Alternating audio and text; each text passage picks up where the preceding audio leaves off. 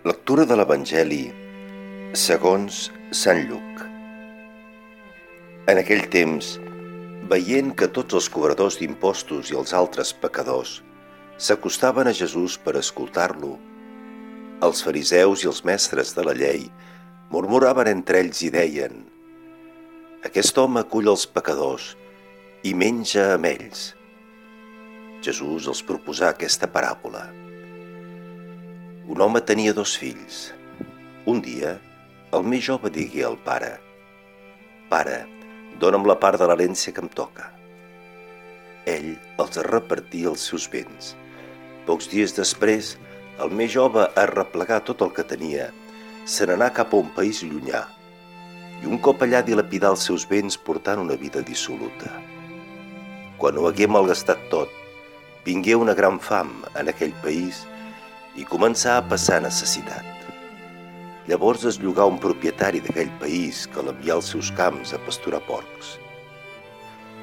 Tenia ganes de tipar-se de les garrofes que menjaven els porcs, però ningú no li'n donava. Llavors reflexionà dintre seu. Quants treballadors del meu pare tenen pa de sobres i aquí jo m'estic morint de fam.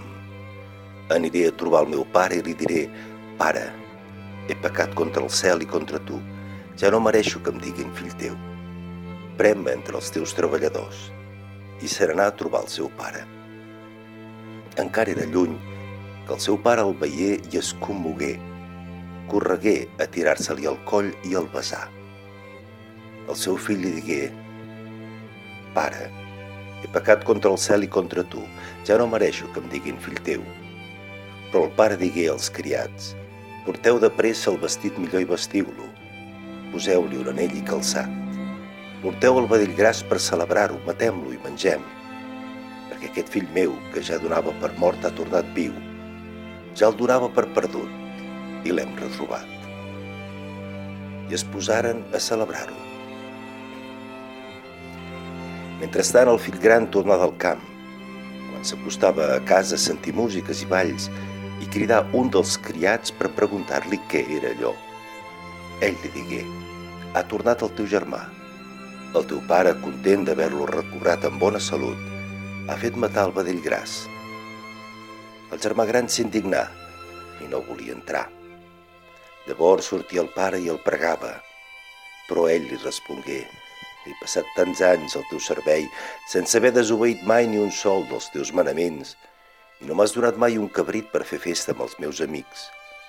I ara que torna aquest fill teu, després de consumir els teus béns amb dones públiques, fas matar el vedell gras. El pare li contestà, Fill, tu sempre ets amb mi i tot el que jo tinc és teu. Però ara hem d'alegrar-nos i fer festa, perquè aquest germà teu, que ja donàvem per mort, ha tornat viu. Ja el donàvem per perdut i l'hem retrobat.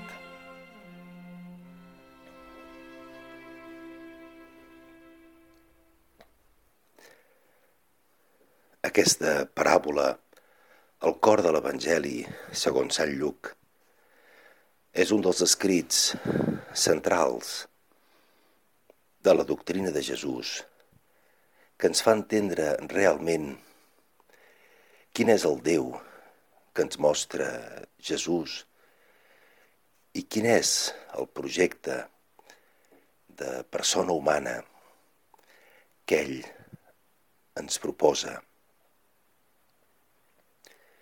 Déu, Pare bo, Pare que estima de manera incondicional, Pare misericordiós, Pare que dona confiança, que respecta fins al fons la llibertat dels seus fills, de cadascú de nosaltres.